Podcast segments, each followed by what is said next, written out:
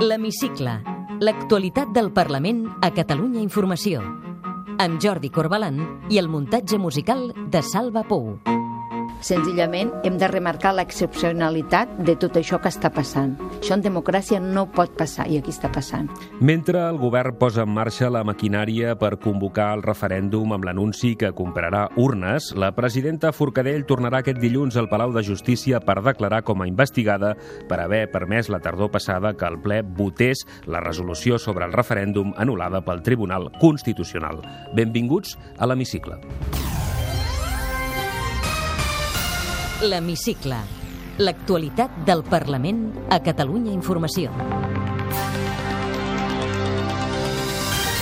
La Comissió d'Investigació sobre l'operació Catalunya cita a declarar Rajoy i Sáenz de Santa Maria. que s'assumeixin eh, les responsabilitats polítiques que n'hi ha i que són evidents. Esperem que els hi quedi clar que les investigacions sobre corrupció no són un invent de ningú, ni dels fiscals ni de l'oficina antifrau. El conseller de Justícia anuncia al Parlament que la presó model de Barcelona tancarà el 8 de juny. 113 anys després, la presó model de Barcelona tancarà les seves portes i passarà definitivament a la història. Us explicarem com es fan les emissions Canal Parlament. i anem a 5 i vaig a 1 Fa uns anys eh, no era així, era tot molt guionitzat i sabien que no se sortiria mai de, de, del guió, o poques vegades. Ara sí que és veritat que per la situació política que vivim i, i per la situació del parlamentari doncs, tenim moltes més eh, actuacions fora de, de guió. ja tenim el pla del dia I avui ens contesta en una frase el qüestionari de l'hemicicle Carlos Carrizosa, eh, portaveu del grup parlamentari de Ciutadans.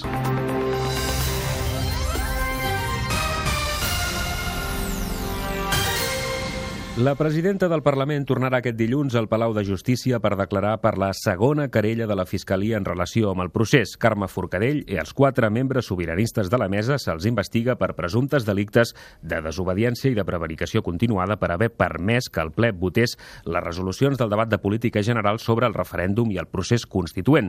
Ho expliquem amb Núria Oriol.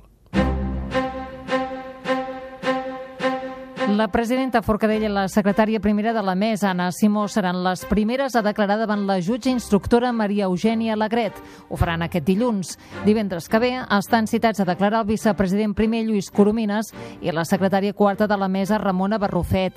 El 12 de juny declararà Joan Josep Nuet, el membre de la mesa de Catalunya sí que es pot a qui la Fiscalia no havia inclòs a la querella, però sí que ho ha fet la jutge.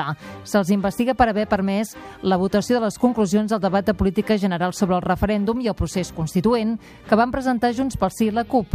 Aquesta és la seqüència prèvia a la votació en el ple del 6 d'octubre passat. Procedirem a la votació de les propostes de resolució. Senyor Millo, per què em demana la paraula? Voldríem expressar el motiu per al qual el nostre grup parlamentari no participarà en algunes de les votacions que es produiran al llarg d'aquesta llarga votació. Lamentablement, avui en aquest Parlament es visualitzarà la fractura que alguns estan provocant en la societat catalana Senyor Carrizosa. Nosotros no vamos a participar en las votaciones de las resoluciones que entendemos que emanan eh, de la resolución anulada por el Tribunal Constitucional. Senyora Gabriel. Nosaltres sí que votarem totes les propostes de resolució, fins, aquella, fins i tot aquelles que han presentat grups parlamentaris que disten de molt respecte als nostres plantejaments polítics. Senyora Rovira. Si no s'està d'acord amb el contingut polític i amb el posicionament polític, tenen un botó vermell que diu no, l'apreten i ja està. Això és el debat parlamentari. Senyor Millo, per què em demana la paraula? Nosaltres no participarem en aquesta votació no perquè hi hagi una discrepància política, sinó per motius de legalitat, i així ho hem expressat. I a més a més vull aprofitar per recordar que en la reunió de la mesa on s'ha desestimat la nostra petició de no admetre a tràmit aquestes propostes de resolució, el lletrat major d'aquesta cambra ha deixat clar i ha deixat constància de l'advertiment dels seus dubtes raonables i legals de que aquestes votacions es portessin a terme en aquest ple. Senyor Millo, crec que no he dit exactament això, però l'acte ja ho reflectirà. Gràcies. La proposta sobre referèndum amb para legal i garanties ha quedat aprovada per 72 vots a favor, cap en contra i 11 abstencions. Doncs la presidenta Forcadell i els membres de la mesa querellats estan convençuts que aquell dia van aplicar escrupulosament el reglament de la cambra. Afirmen que la mesa no pot aplicar una censura prèvia sobre els temes que pot debatre el Parlament i apel·len la inviolabilitat parlamentària. En parlaven aquest divendres al matí de Catalunya Ràdio la presidenta Forcadell i els membres de la mesa Lluís Coromines, Anna Simó, Joan Josep Noet i Ramona Barrufet. La inviolabilitat és una garantia, és una garantia que garanteix la llibertat d'expressió i la separació de poders i això està reconeguda internacionalment i és present en tots els països democràtics del món. L'Estatut el que ens reconeix és que per raó de les nostres opinions i els nostres vots no tinguem responsabilitat i per tant el que es protegeix són els drets fonamentals de participar en política i la llibertat d'expressió. Intenten resoldre un problema polític utilitzant els tribunals i s'equivoquen i s'equivoquen moltíssim i nosaltres no pensem equivocar-nos. Si van fer un fet, doncs tots van fer el mateix fet. Jo sempre he defensat que aquí no és que tots siguem culpables, és que tots som innocents, perquè el fiscal va dir que jo era innocent. Nosaltres som un instrument, però sobretot som un instrument dels nostres companys diputats elegits democràticament, però sobretot per tots i cada un dels ciutadans que han estat votant i ens han fet a nosaltres responsables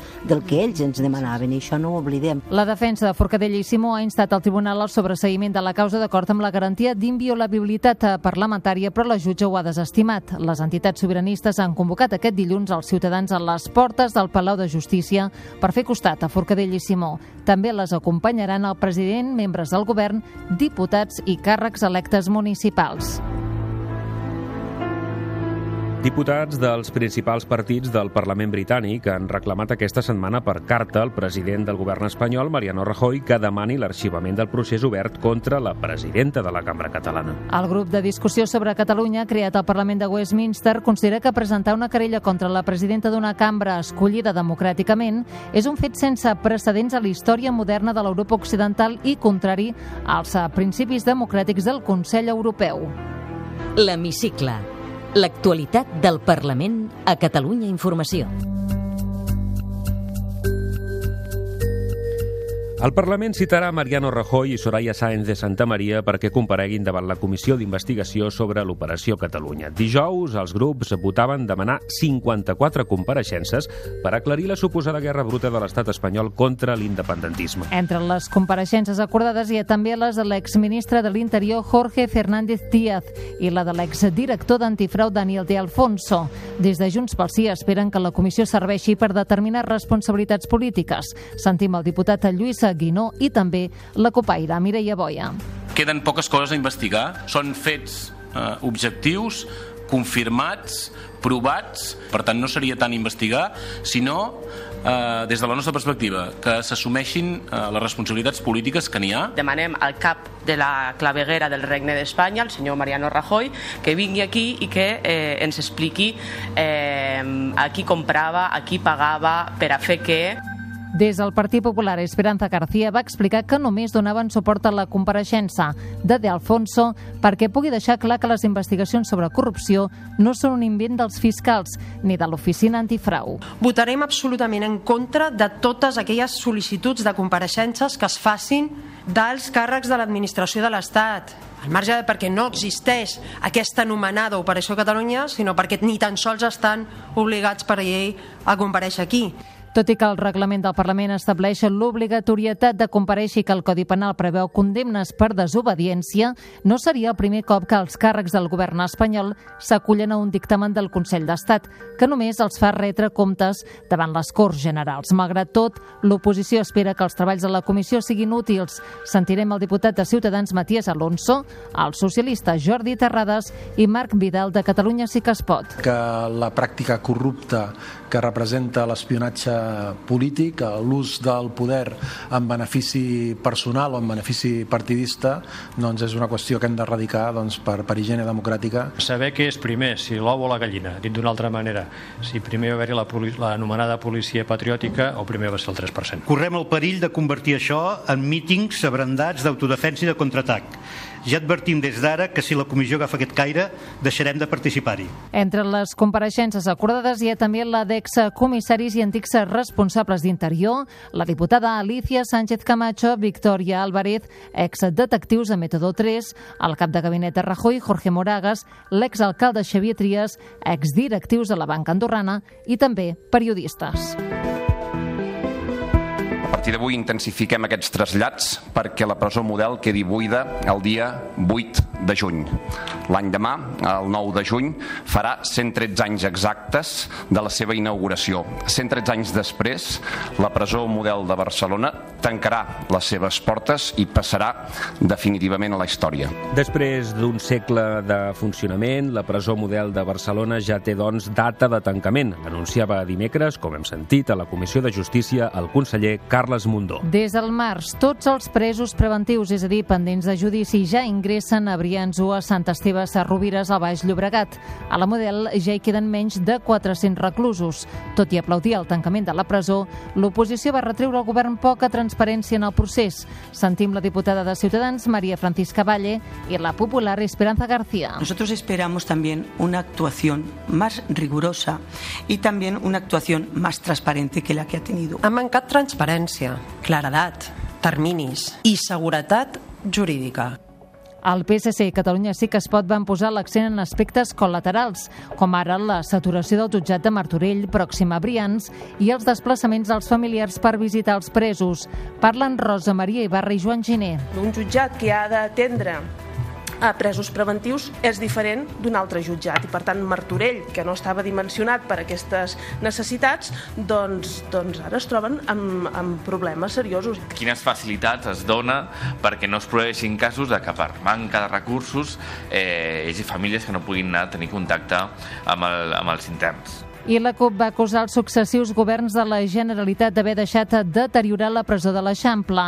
Sentim Mireia Boia i la rèplica des de Junts pel Sí del diputat Jordi Orovich. És evident que ara es pot agafar com a una oportunitat, però que la model es tanca perquè s'arriba al límit, i s'arriba al límit perquè se la deixa caure. Que s'ha deixat caure, doncs que probablement invertir recursos en un centre penitenciari en el que existia una consciència social eh, de la necessitat del seu tancament tampoc no tenia gaire lògica. No? Aquesta setmana hi ha hagut més activitat a les comissions del Parlament. El Pla de Cooperació al Desenvolupament del Govern per aquest any augmenta un 65% la dotació pressupostària respecte al del 2016 i arriba als 30 milions d'euros. El conseller Raül Romeva el presentava dijous a la Comissió d'Exteriors. Els programes per atendre la crisi dels refugiats a la Mediterrània seran prioritaris. Durant la compareixença hi va haver intercanvi de retrets entre el diputat popular Juan Milian i el conseller Romeva per l'anul·lació del viatge del president Puigdemont amb empresaris catalans al Marroc. Una acció exterior a vegades més preocupada per la fotografia que no pas per exercir les competències que realment tenen i que, eh, si les exercissin, seria bo per a l'economia catalana, la ciutat catalana i fins i tot per a la cooperació catalana. Estem a total disposició de la cooperació que ens vindrà, sens dubte, per part del govern de l'Estat, el qual vostè representa, en aquests i en molts altres temes. Absoluta disposició a cooperar sempre que hi hagi voluntat. Entitats, sindicats, representants municipals i dels partits polítics exigeixen al govern espanyol que retiri el procediment per ratificar al Congrés dels Diputats el Tractat de Comerç i Inversions entre la Unió Europea i el Canadà. En una jornada celebrada dijous a la Cambra van acordar un manifest on es reclama que s'obri un nou procés de debat públic. Àlex Guillamón és el portaveu de la campanya Catalunya diu no al TTIP. I que s'endegui un altre, un altre procés de ratificació amb participació, amb debat i fins i tot el que em reclamava la moció del Parlament amb un referèndum de, de ratificació. L'Hemicicle. El Parlament a Catalunya Informació. Des de l'any 2000, els plens i les comissions del Parlament es poden seguir en directe pel web de la institució amb el senyal que emet Canal Parlament. El canal emet més de 3.000 hores anuals de debat parlamentari. A l'hemicicle us expliquem la feina que hi ha darrere de les càmeres que capten tot el que passa a la cambra. Entrem al control de realització del Canal Parlament per seguir un dels moments més rellevants de l'activitat parlamentària, la sessió de control al president en el ple. Sóc el Roberto Sevillano i sóc l'encarregat, la persona encarregada aquí al Parlament de la realització eh, de comissions i organitzar de realització aquí dins de, de la casa de la institució. Vaig a 4, li traiem llum a la 4 un pelet, no tant, vale, vaig. General a 6, vaig a 6, Foco 5, obra més, Roli a dalt, aquí, vaig. 1, pressi, El Canal Parlament és eh, l'eina que tenim aquí a la institució per fer arribar a casa de tothom, de dels ciutadans, eh, l'activitat parlamentària. I per això doncs, estem equipats d'unes més o menys 35 càmeres per tota la casa i un equip de professionals que fan que cada dia tota activitat que passa aquí en ple, comissió, rodes de premsa o actes arribi al ciutadà. L'agenda obra més, obra més, obra més. del govern passa A la U, eh? Vaig a U. per dos compromisos. Un, Suaument a l'esquerra no tenir casos de corrupció política.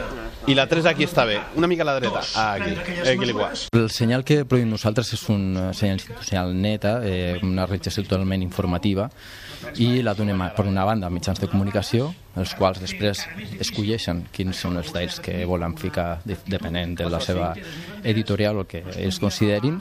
Per una altra banda tenim el streaming en directe de web, el qual el ciutadà pot mm, en directe seguir el ple, la sessió plenària, i, i saber què, què és el que passa a la sessió plenària, comissió, acte o el que sigui. Tenim tres canals webs que emetem en directe i per últim també tenim la web en diferit, o sigui, vol dir que els programes que no hem pogut eh, estar en directe perquè de vegades tenim més de tres eh, eh, canals simultanis no es poden consultar-lo a la web gairebé dues hores després de que acabi l'acte o la comissió o roda de premsa.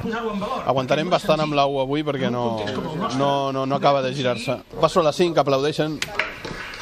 Gràcies, diputat. Vale, torno a la pressi. Vinga, anem a les 5 un altre cop. Moltes gràcies. Vaig a la Ja sé que 1, vostès això de vaig a complir les obligacions 1 parlamentàries i 3 preparada. Són càmeres remutades, no tenim opis o operadors, eh, per tant, totes van penjades, són alça determinada i amb un motor un, un, que comandem diguem amb un joystick i controlem la coreometria també des dels diferents controls de realització. 6 al viol, obre una mica més, si us plau, que és molt alt ara...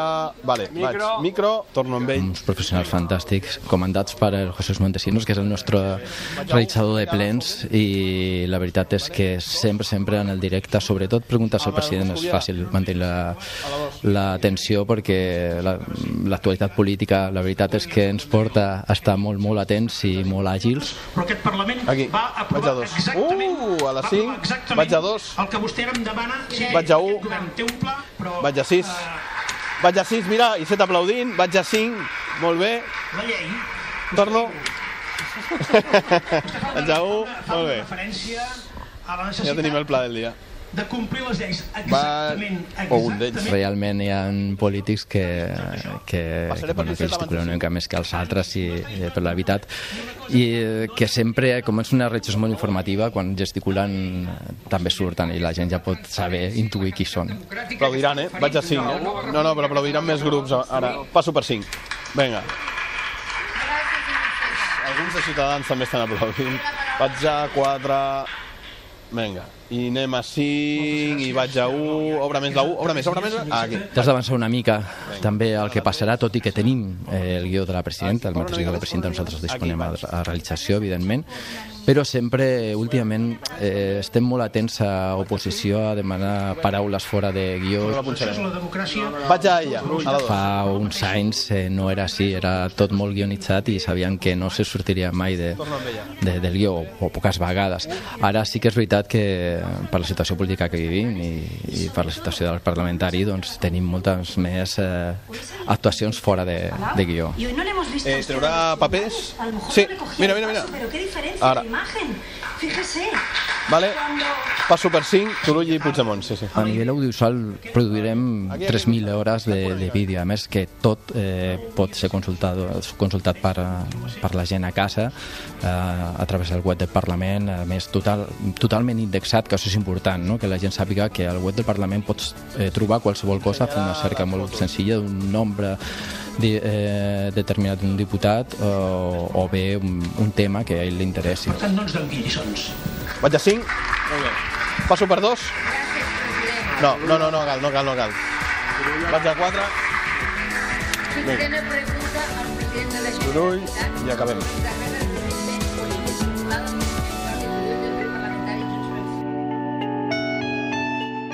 L'hemicicle. Té la paraula Hola, sóc el Carlos Carrizosa, eh, portaveu del grup parlamentari de Ciutadans. en una frase. Aquesta legislatura han fet famós el hàmster que dona voltes a la roda. Com creu que acabarà el hàmster? Molt marejat. Referèndum o neverèndum? Neverèndum. Ciutadans farà aviat primàries per elegir candidat o candidata a la Generalitat. Tan clar tenen que hi haurà eleccions aviat? Sí, pensem que no, no trigaran gaire. I si el govern convoca el referèndum? Mm, si el convoca no es podrà fer. Fa poc, en un ple, va aixecar els somriures, el seu propi, amb una pausa al mig de la frase «Ho recordarà, la Fiscalia és un òrgan independent». Estava convençut del que deia? No, vaig dir, la Fiscalia és un òrgan independent, van començar a riure i jo vaig continuar la frase del Tribunal Constitucional. A què es dedicava professionalment abans d'entrar al Parlament el 2012? Soc advocat. Per què fa el pas d'entrar en política i fer-ho a Ciutadans? Per necessitat de canviar les coses a Catalunya i que sortís un nou partit regenerador i que sortís del marc habitual de la política catalana. Vostè porta molts temes aquí al Parlament. Quina llei li agradaria més aprovar aquesta legislatura? Ara s'està tramitant una llei per iniciativa de Ciutadans per ajudar a les famílies amb pocs recursos i fills menors. Aquesta és la que m'agradaria que sortís abans. Un referent polític. L'Albert Rivera. És soci d'alguna ONG o alguna entitat cívica? Soc soci de, del Museu Diocesà de, de Paleontologia, per curiositat per la naturalesa i la història de la vida. Recorda eh, què volia ser eh, de petit? Eh, volia ser advocat. Ho ha aconseguit? Sí, ho vaig aconseguir i és la professió de la meva vida que és, i és el que m'agrada. És puntual? No gaire. Acostuma a donar almoina? Hi ha cops que sí, però sobretot depèn molt del pobre que, que vegi que ho necessita veritablement. I propina en deixa? Sí que hi deixo. Eh, té pla de pensions? Tinc un pla de pensions que no hi, no hi faig gaires aportacions. Recorda quan ha pagat de llum l'últim rebut? Al voltant dels 100 euros. Viu de lloguer o de propietat? De lloguer. El seu pla preferit per un diumenge a la tarda? Mm, està amb els meus fills. Fa esport amb certa freqüència? No, amb certa freqüència no. Només camino per fer activitat física. Carn o peix? Depèn del moment. Té traça amb els fogons? No, no gaire. Quin va ser el seu primer cotxe? Un Ford Fiesta que me'l vaig pagar jo amb el, amb el sou que treballava als 18 anys i, me, i me'l vaig pagar perquè a casa meva no ens donaven res si no hi treballàvem. I ara quin té? Ara tinc un Toyota Land Chrysler que té 10 anys i que estic molt content amb ell. Escolti, parlant de cotxes, els senyals de trànsit en català no s'acaben d'entendre prou bé?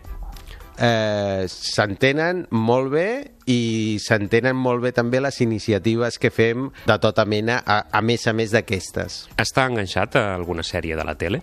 Estava veient, l'última que, que he vist era Vikingos, a, a un canal de, de pagament i em va agradar molt. Segueix les xarxes socials? No gaire. Recomani'ns un llibre.